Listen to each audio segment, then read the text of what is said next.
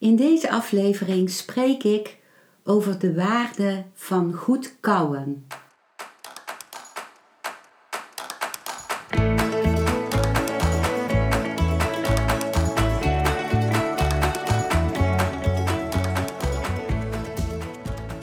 Welkom bij een nieuwe aflevering van Modita's podcast Van Pijn naar Zijn. De podcast waarin ik je meeneem voorbij de pijn in je leven naar wie je diep van binnen bent. Hoe kun je beter omgaan met je gevoelens? Hoe vind je rust in je hoofd? Wat zit er precies achter je pijn? En vooral, hoe kun je steeds meer jezelf zijn? Adem eens diep in en uit. Ik wens je veel luisterplezier.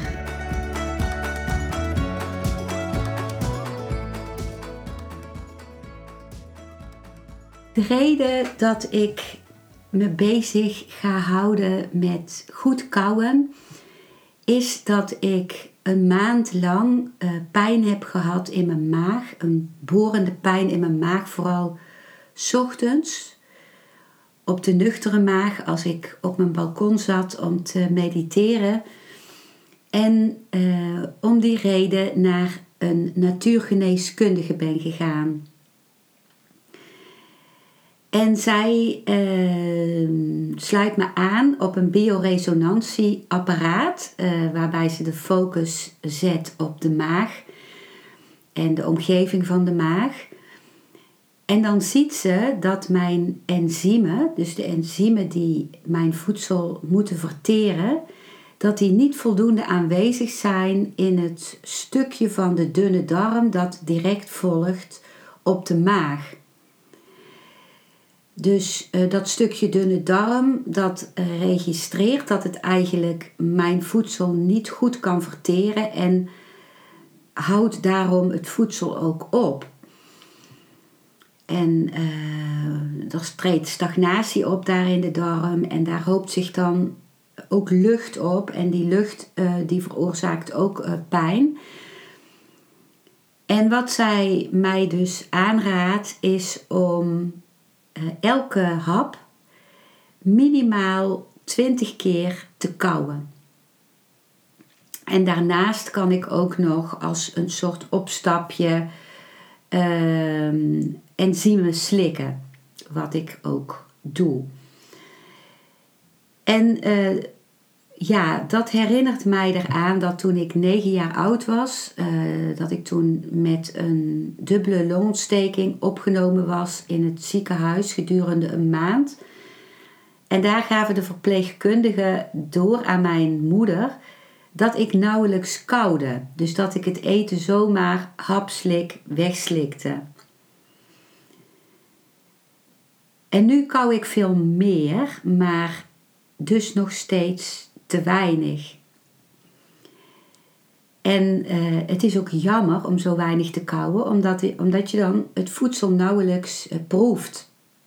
Soms koude ik het voedsel wel heel goed en dat was als ik een, een darmreiniging had gedaan, waarbij ik een hele tijd niet kon eten. En als ik dan weer ging eten, dan smaakte alles zo lekker. Dan waren mijn smaakpapillen zo goed ontwikkeld dat ik dan elk hapje uh, uit dankbaarheid heel veel wilde kauwen.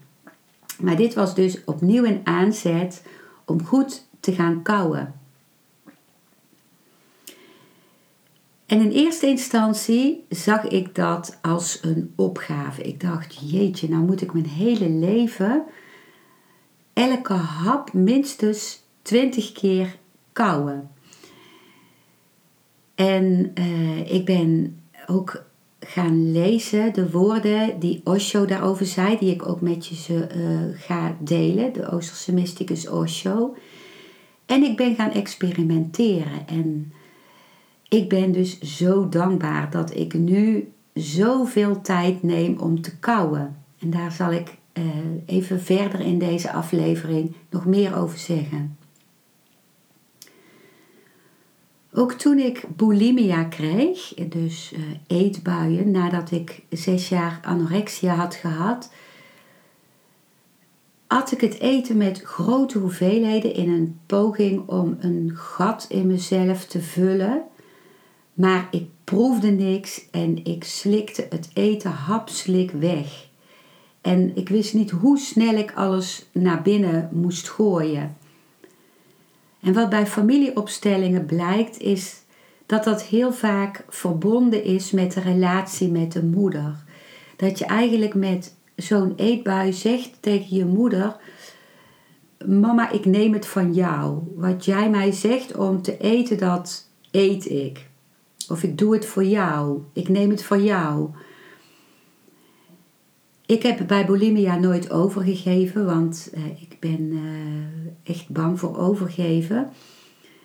Maar mensen die na zo'n eetbui ook overgeven, als je vanuit het familieopstellingen perspectief gaat kijken, dan staat dat overgeven voor dat je tegen je vaak voor dat je tegen je vader zegt: Papa, ik neem het van jou. Ik neem het niet van mijn moeder. Wat ik van mijn moeder heb genomen, dat geef ik over.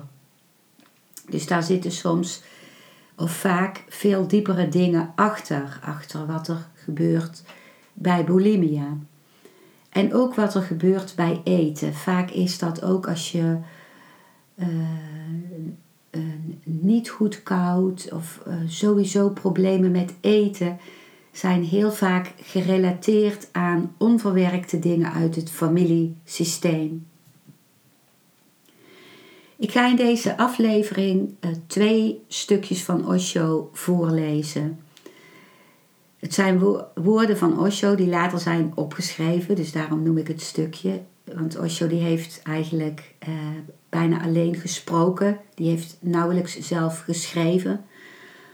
En dit eerste stukje dat is te vinden in het boek van Osho, Above All, Don't Wobble.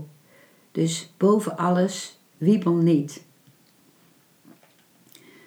Dus hier komen de woorden van dat stukje.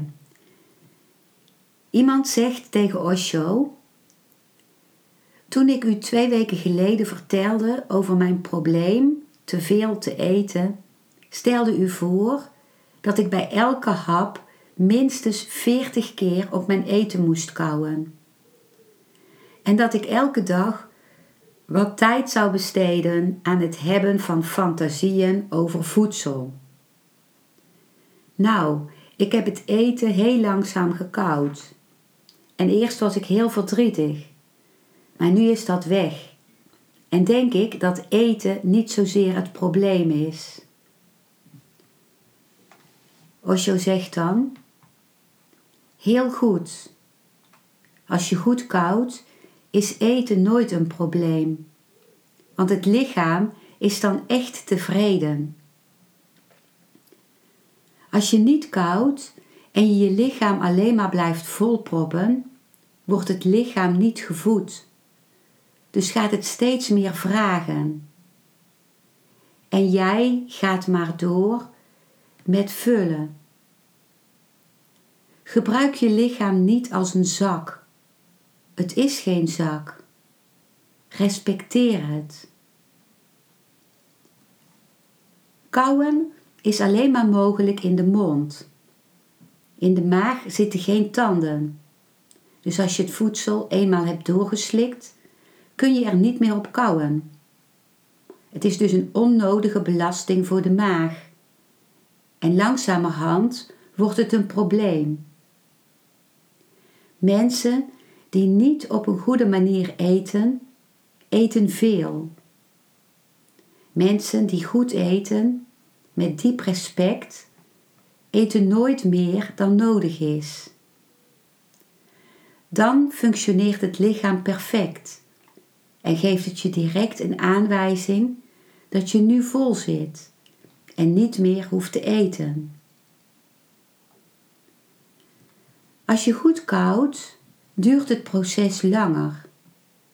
Voor hetzelfde voedsel dat je in een uur at, zijn nu vier uur nodig, omdat elke hap 40 keer moet worden gekoud. Niemand kan er zoveel tijd aan besteden. Dat is waarom je verdrietig werd. Drie, vier uur lang eten en je krijgt gewoon genoeg van het hele gebeuren. En daar komt nog iets bij. Als je dingen naar binnen blijft gooien bij jezelf, is dat een soort agressie, een soort geweld. Tanden zijn het meest gewelddadige deel van je lichaam en maken deel uit van het dierlijke erfgoed. Als dieren agressief zijn, zullen ze bijten. Ze hebben alleen tanden en nagels, dus daarmee plegen ze geweld. Dat is ook bij de mens zo gebleven, want de mens stamt af van dieren. Dus telkens als je veel koudt, zal er veel geweld losgelaten worden. Iemand die goed koudt, zal minder gewelddadig worden, omdat er door de oefening van de tanden geweld losgelaten wordt. Iemand die maar doorgaat met het zich volproppen zonder te kauwen, wordt gewelddadig. Dus jij werd verdrietig. Onthoud dat woede één fase van geweld is, de actieve fase. En verdriet is een andere fase, inactief, passief. Heb je het waargenomen? Woede kan onmiddellijk verdriet worden. En verdriet kan onmiddellijk woede worden. Ze liggen niet ver uit elkaar. Dus als je dingen naar binnen gooit, was er de woede, was er het geweld. Nu je aan het kouwen bent, ontspannen zich het geweld en de woede en zal het verdriet tot rust komen. Maar als je doorgaat, zal het verdriet geleidelijk aan verdwijnen en zul je je echt vervuld en gelukkig voelen. Dus ga door. En de visualisatie? De persoon zegt: Als ik goed koude, had ik geen enkele fantasie. Osho zegt dan: Dat is heel goed. Maar als je Zelfs als je goed koud een waanzinnige drang hebt om te eten, ga dan gewoon zitten en sluit je ogen en eet in je fantasie zoveel als je wilt. Maar ook dan moet je veertig keer kauwen. Dat waren de woorden van Osho. Toen ik de gestalttherapie opleiding deed, uh, hadden we elke maand een bewustzijnsoefening. Een, uh, een oefening die zowel met het lichaam te maken had als met, uh, met de mind, met het functioneren van de mind.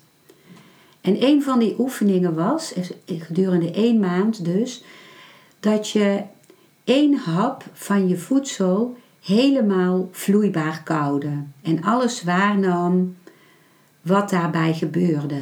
De, de consistentie van het voedsel, de verschillende uh, bestanddelen die je proefde van zo'n hap, hoe je dat voedsel van de ene kant naar de andere kant van je mond ging, de neiging die tussendoor kwam om te slikken, maar ook uh, de waarneming van wat, wat voel je met, bij dat voedsel?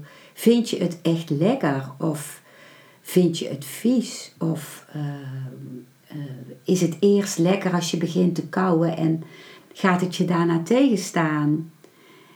En als je het vies blijkt te vinden, uh, wil je het dan wel doorslikken? Of besluit je om het niet door te slikken en om het uit te spugen? En dat was echt een confrontatie voor mij, omdat ik eigenlijk mezelf geleerd had om gewoon het voedsel door te slikken en het ik had mezelf zo geprogrammeerd dat ik alles lekker vond. En ehm, ik vroeg mezelf dus niet eens af: wil ik dit eten of wil ik dit niet eten? Mogelijk heeft dat ook te maken met het feit dat mijn moeder in het Japanse concentratiekamp heeft gezeten als kind en daar zo ontzettend veel honger heeft gehad. En dat ik wist hoe zij elk rijstkorreltje wat ze kreeg, ze kreeg op een dag maar een paar rijstkorreltjes uh, die in het midden van de palm van haar hand uh, paste, dus nog minder dan de palm van de hand. En dat ik dan dacht, als ik iets eet, dat is al zoveel meer en zoveel lekkerder dan, dan de stijfselpap die mijn moeder kreeg. Smakeloze stijfselpap en, of een paar korreltjes rijst. Dus ik, uh, ik had mezelf al zo geprogrammeerd van, uh, ik moet gewoon alles lekker vinden. En dat was ook wel uh, gek om te bedenken dat ik niet eens iets wist wat ik vies vond. En wat we dus in de gestaltherapie leerden was dat hoe je het eten tot je neemt ook direct gerelateerd is aan hoe je kennis tot je neemt. Dat of kennis en dat wat andere mensen tegen je zeggen. Dus als je dat ook klakkeloos slikt, wat je moet studeren en wat je. Uh, en daar worden we helaas in de scholen vaak toe aangezet. Dat je een proefwerk krijgt waarbij je klakkeloos moet reproduceren wat, wat, er, wat je uit een boek hebt geleerd. Dan, uh, dan kou je dus ook niet die informatie. Je gaat je dan niet afvragen van eh, ben ik het hier nu mee eens of ben ik het er niet mee eens of wat vind ik er überhaupt van. En tijdens die koude oefening, toen ik dat langer deed uh, gedurende die maand, begon ik te ontdekken dat ik bepaalde dingen minder lekker begon te vinden. En uiteindelijk was er iets wat ik ronduit vies vond. Ik was ik had in die tijd een Duitse vriend en ik was met de trein op weg naar hem. Het was een lange treinreis van wel, wel zes uur, want hij woonde echt ver weg in Duitsland. En uh, ik was dus op een uh, tussenstation. Ik dacht dat het Keulen was en daar moest ik overstappen. En toen besloot ik mijn favoriete ding uh, te kopen. En dat was een, een kaasbroodje. Echt zo'n broodje met zo'n deeg eromheen wat dan gebakken is en waar dan nog zo'n zo'n dikke korst met kaas overheen ligt. En dat was dus in die maand van die uh, oefening van de gestaltherapie. Dus ik ging die één hap van dat broodje ging ik helemaal vloeibaar kouwen. En ik had het nog niet eens vloeibaar gekauwd. Ik was gewoon ergens halverwege en ik vond het zo ontzettend vies. Het was echt, uh, het was vet, het was, er zat een soort brandsmaak aan en het was, uh, ik vond die kaas ook heel bitter en het, het, het, ik weet niet wat ik proefde. Het was ook, ik denk, allemaal toevoegingsmiddelen die erin zaten, die ik geproefd heb. Ik vond het ontzettend vies. En uh, ik uh, heb een soort papier gepakt en het daarin gespuugd. En toen heb ik het in de prullenbak gedaan. En de rest van het broodje ook. En sindsdien heb ik nooit meer een kaasbroodje gegeten. En dat was voor mij echt een eye-opener. Dat ik iets wat, wat zelfs mijn favoriet was op zo'n station. Dat ik dat als ik echt ging proeven, zo ontzettend goor vond om te eten. En ehm, dat alles naar binnen stouwen van kennis zonder me af te vragen of ik het ergens mee eens was of niet, dat herkende kende ik dus ook. Dat was precies wat ik deed. Ik leerde dingen van buiten, ook in mijn medicijnenstudie uh, koude ik klakkeloos na wat, wat er gezegd werd over de psychiatrie, over de werking van medicijnen, over uh, ziektes. Als er gezegd werd voor die ziekte is geen oorzaak, dan geloofde ik dat in plaats van later ben ik heel veel gaan kijken van wat zijn nu de achtergronden van ziek zijn en ook wat maakt dat iemand gezond is. Maar ik stouwde dus alles naar binnen, precies zoals ik mijn voedsel naar binnen stouwde. En ook wat mijn ouders zeiden tegen mij, nam ik voor waar aan. En wat in de boeken stond, nam ik voor waar aan. En in de gestalttherapie wordt dat introjectie genoemd. Intro is naar binnen en jectie is gooien. Dus naar binnen gooien. Naar binnen gooien van kennis. Zoals wij ook, ik denk heel veel mensen in de westerse maatschappij, haastig ons voedsel naar binnen gooien.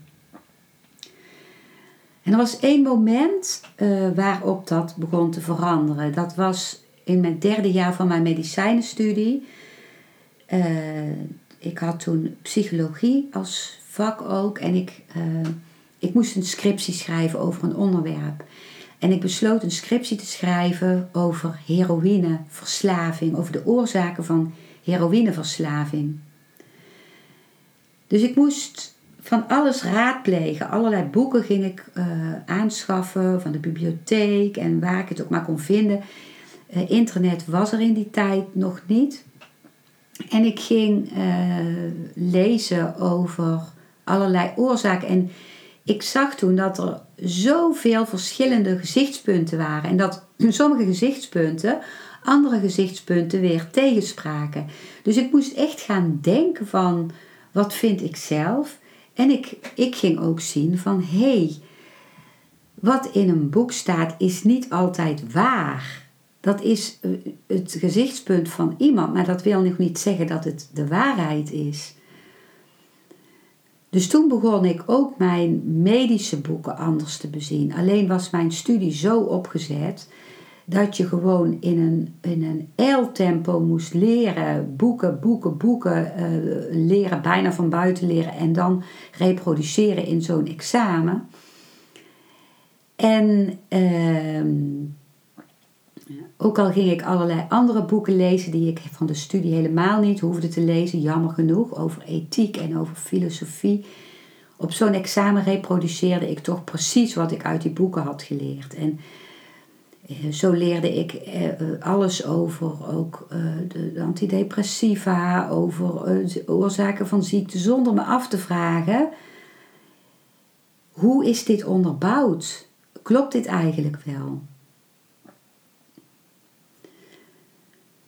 Ik vond het ook mooi toen ik later na mijn studie les ging geven aan verpleegkundigen. Moest ik invallen voor ehm, een docent die les gaf aan de uh, psychiatrieverpleegkundige. En omdat zij psychiatrie uh, studeerde als verpleegkundige, besloot ik dat gestalt-experiment met hun te doen. Dus ik zei van nou in de, in de les, ehm, morgen in de les, dan mag je iets lekkers, iets wat je lekker vindt meenemen wat we in de les gaan eten. Dus die leerlingen die keken me echt stom verbaasd aan en die waren echt eh, heel enthousiast dat ze, ze mochten nooit in de les eten en dat ze nu zelfs opdracht kregen om in de les te eten. Dus ze haalden heel pontificaal de volgende dag uh, broodtrommels uh, naar boven uit hun tas en dan die openden ze en toen wilden ze eraan beginnen en toen zei ik ho, er is één ding. De eerste hap gaan we helemaal vloeibaar kouwen. Dus zij namen dus die hap van dat wat ze dus heel lekker dachten te vinden. En sommigen vonden het ook nog steeds heel lekker. Maar van de meeste mensen zag ik het gezicht al na een tijdje helemaal vertrekken. In een soort uh, afschuw. En dan zag ik ze gewoon heel geforceerd dat dan op het laatst uh, doorslikken. En anderen hadden het soms in het begin lekker gevonden, maar later bij dat vloeibaar kouwen niet meer. En weer anderen hadden het wel lekker gevonden. Maar toen ik vroeg aan de mensen van, die zeiden van, uh, sommigen waren echt boos op mij, omdat iets wat ze lekker dachten te vinden, dus niet lekker was voor hen. En toen ik vroeg, uh, wat maakte dat je het dan doorslikte, dat, dat was echt heel confronterend uh, voor hen dus ook. Zoals het dat ook voor mij was geweest. Waar ik dus ook uh, achter kwam voor mezelf, toen ik bij die natuurgeneeskundige was geweest voor uh, de maagpijn die ik had gehad op het moment dat ik bij haar was, was die pijn er niet meer, maar die had ik dus een maand gehad. Toen uh, kwam ik er ook achter dat dat een periode was geweest, die maand, waarin ik, waarin ik hele heftige emoties had. Ik had een liefde die ik voelde voor iemand was niet beantwoord en dat raakte weer aan allerlei dingen uit mijn jeugd. Dus er kwamen verlating naar boven, eenzaamheid, afgewezen zijn, uh, woede, van alles kwam er naar boven. En ehm, het raakte ook aan andere liefdes in mijn leven, liefdesgeschiedenissen. En toen de natuurgeneeskundige tegen mij ging zeggen van je moet beter kouwen, toen dacht ik, oh, op zich kou ik al vaak wel bijna twintig keer. Uh, terwijl ik het nu heb omgezet in meer dan 40 keer kouwen. Dat uh, zal ik straks nog over hebben. Maar ik koude al best wel veel meer als daarvoor. Maar ik bedacht, ik heb ook die emoties te kouwen. En dat wil zeggen dat ik niet maar vlug iets ga doen van uh, een activiteit of me in mijn werk storten. Want als ik, als ik werk, dan. Ik doe mijn werk gewoon heel graag. En maar dan vergeet ik ook vaak de dingen die in mijzelf spelen. Ik dacht, ik moet er echt voor gaan zitten. Ik ben toen echt regelmatig in een stoel gaan zitten of onder een boom als ik buiten was om waar te nemen van, oh, ik voel me verdrietig. Waar zit dat verdriet precies? En ehm, mag het er zijn? En mag ik mezelf ook toestaan om te huilen? En als ik, als ik dat dan toestond, dan ontspande mijn lichaam zich helemaal. Of ik voelde dat als ik met mijn aandacht naar het verdriet ging, dat dat, die dan, dat dat dan veranderde of oploste of weer in iets anders veranderde. En hetzelfde als wanneer ik naar mijn woede ging. Maar dan gebeurde er iets met die gevoelens. Dan verteerde ik ze letterlijk. Dan was het mijn aandacht, waren dan de spijsverteringsenzymen voor mijn emoties. En die emoties die blijven komen, als, voel ik, als ik ze niet verteer, als ik ze niet verwerk, als ik niet de tijd ervoor neem, als ik niet naar hen luister, als ik de aandacht er niet voor neem. En toen ik ging luisteren was dat zo fijn. Toen voelde ik me zo dicht bij mezelf. En toen voelde ik dat het ook niet uitmaakt of je verdriet voelt of vreugde, maar dat, dat het gaat om dicht bij mezelf zijn. En in verbinding met mezelf. En toen kwamen ook vanzelf de goede beslissingen. Ik voelde, ik moet de osteodynamische meditatie weer gaan doen. Ik wil dat weer gaan doen. Daar heb ik ook een podcastaflevering over gemaakt. De waarde van de osteodynamische meditatie. Maar om dus te gaan, uh, te gaan ademen, ontladen, in mijn kracht komen, stil zijn en dan uh, dansen. Dansen, het dansen van mijn leven, van mijn nieuwe dag. Ik lees nu uh, het tweede stukje voor van Osho, uh, wat ik in deze aflevering wilde voorlezen. En dat is te vinden in het boek Bodhidharma in hoofdstuk 7. En dat gaat over het voeden van je bewustzijn en het accepteren wat het leven je brengt. Dus hier komen de woorden van Osho. Dit zijn punten om te onthouden door iedereen die het pad gaat. Voed je bewustzijn. Hoe voed je je bewustzijn? Mis geen enkele kans om bewust te zijn. Als je wandelt, wandel dan met bewustzijn. Ik kan mijn hand bewegen zonder bewustzijn of met bewustzijn. Beweeg je hand met volledig bewustzijn en het zal een grote gratie aan je hand geven. En een grote vrede en stilte zullen van binnen worden gevoeld. Als je eet, eet met bewustzijn. Meestal slikken mensen alles gewoon onbewust door. Daarom eten ze te veel, omdat hun smaak niet bevredigd is. Als ze bewust zouden eten, dan zouden ze niet alleen slikken, dan zouden ze kauwen. De wetenschappers zeggen dat tenzij je elke hap 48 keer koudt, je je spijsverteringsstelsel onnodig belast. En je levensduur hangt af van je spijsverteringsstelsel. Als het jong en levend blijft, kun je langer in het lichaam blijven. Maar als je alleen maar slikt, dan weet je het niet. Je spijsverteringsstelsel heeft geen tanden. Het kan niet kauwen. Het kauwen moet door jou in de mond worden gedaan.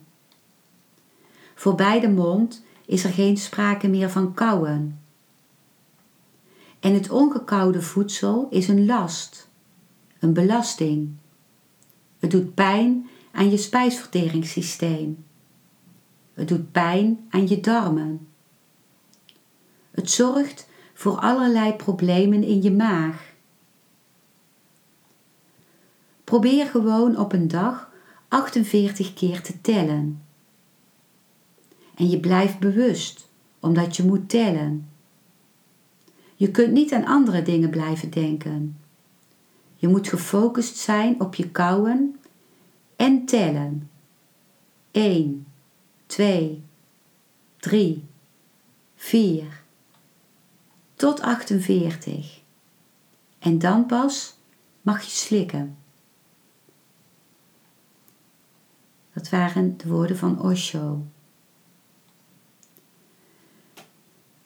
De natuurgeneeskundige die legde aan mij uit dat als ik uh, kou, alleen als ik kou, dan wordt door dat kouwen en door die, die, uh, het contact wat het voedsel dan maakt met mijn mond en door de vermenging met het speeksel, wordt het heel, de hele rest van het spijsverteringskanaal voorbereid. Dus die informatie van wat je proeft en van het feit dat je speekselklieren speeksel aan het maken zijn om, om te vermengen al met je voedsel, ook dat zet al het eerste gedeelte van de spijsvertering aan. Die, die, uh, die, uh, in dat speeksel zitten ook al enzymen die beginnen al met dat voedsel te verteren. Dan wordt ook al het signaal doorgegeven aan de maag: hé, hey, daar komt voedsel aan. Je moet al iets gaan doen. Je moet al uh, zuren af gaan geven en je moet al spijsverteringsenzymen af gaan geven. En ook aan de dunne darm en aan de alvleesklier en aan de lever wordt, worden al signalen doorgegeven. Dit en dat voedsel komt eraan. Bereid je voor.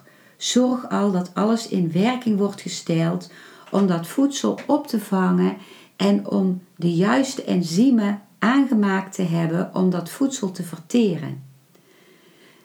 Dus zij vertelde mij dat die enzymen die veel te laag waren bij mij, bijvoorbeeld in dat eerste stukje dunne darm, dat ik die zelf door goed te kouwen omhoog kon krikken. Dus weer tot het goede niveau.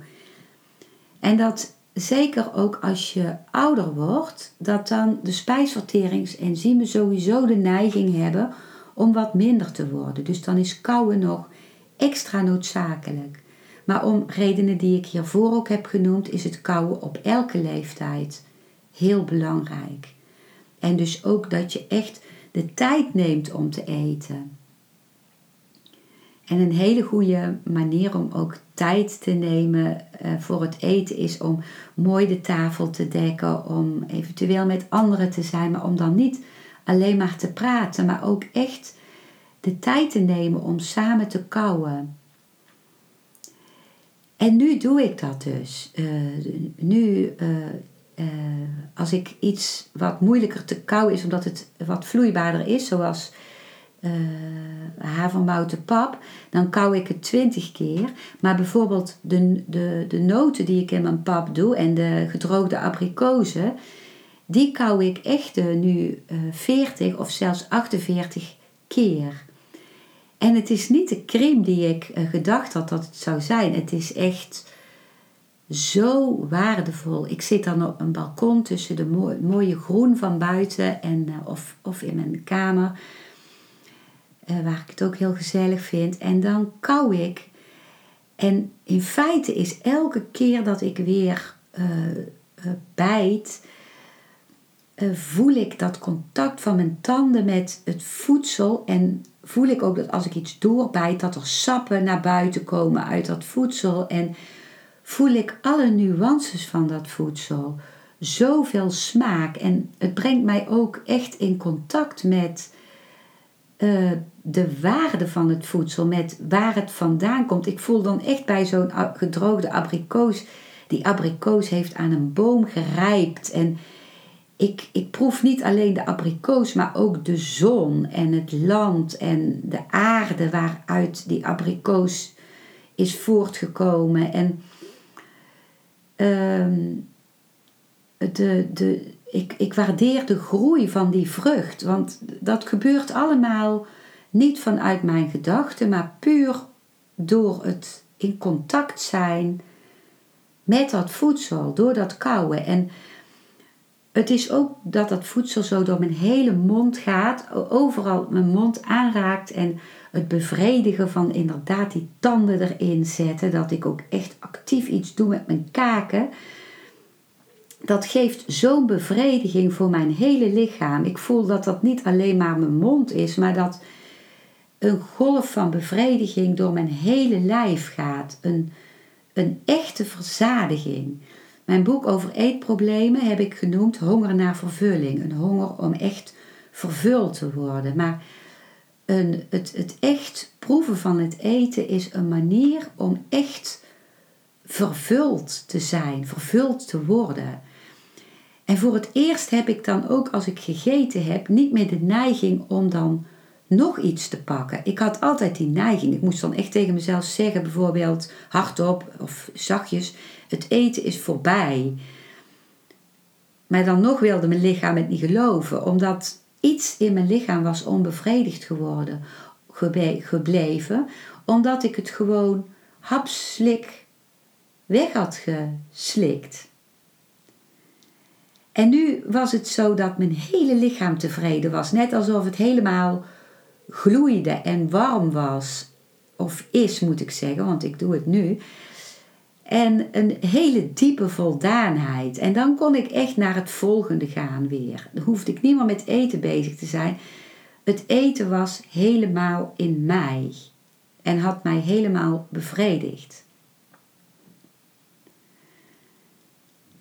Dit is wat ik met je wilde delen over de waarde van kouwen. Dankjewel voor het luisteren naar deze aflevering. Ik hoop dat hij je een nieuw inzicht of perspectief heeft gegeven. Ik hou van interactie, dus als je iets wilt delen, stuur me dan een mailtje op info@genietenvanmeditatie.nl. Ik geef je dan altijd antwoord. Ik wens jou dat je vreugde in het dagelijks leven zult ervaren en innerlijke rust en dat je steeds meer je pijn zult kunnen omvormen in zijn. Je kunt de afleveringen van deze podcast volgen via Spotify, Google Podcast, Apple Podcast en Podbean door op de volg- of abonneerknop te klikken. Als je luistert via de Apple Podcast, dat kan alleen als je een iPhone hebt, heb je een extra voordeel Omdat als je op de knop abonneren klikt, je steeds een berichtje op je mobiele telefoon ontvangt als er weer een volgende aflevering van mijn podcast verschijnt. Je bent van harte welkom bij die volgende aflevering.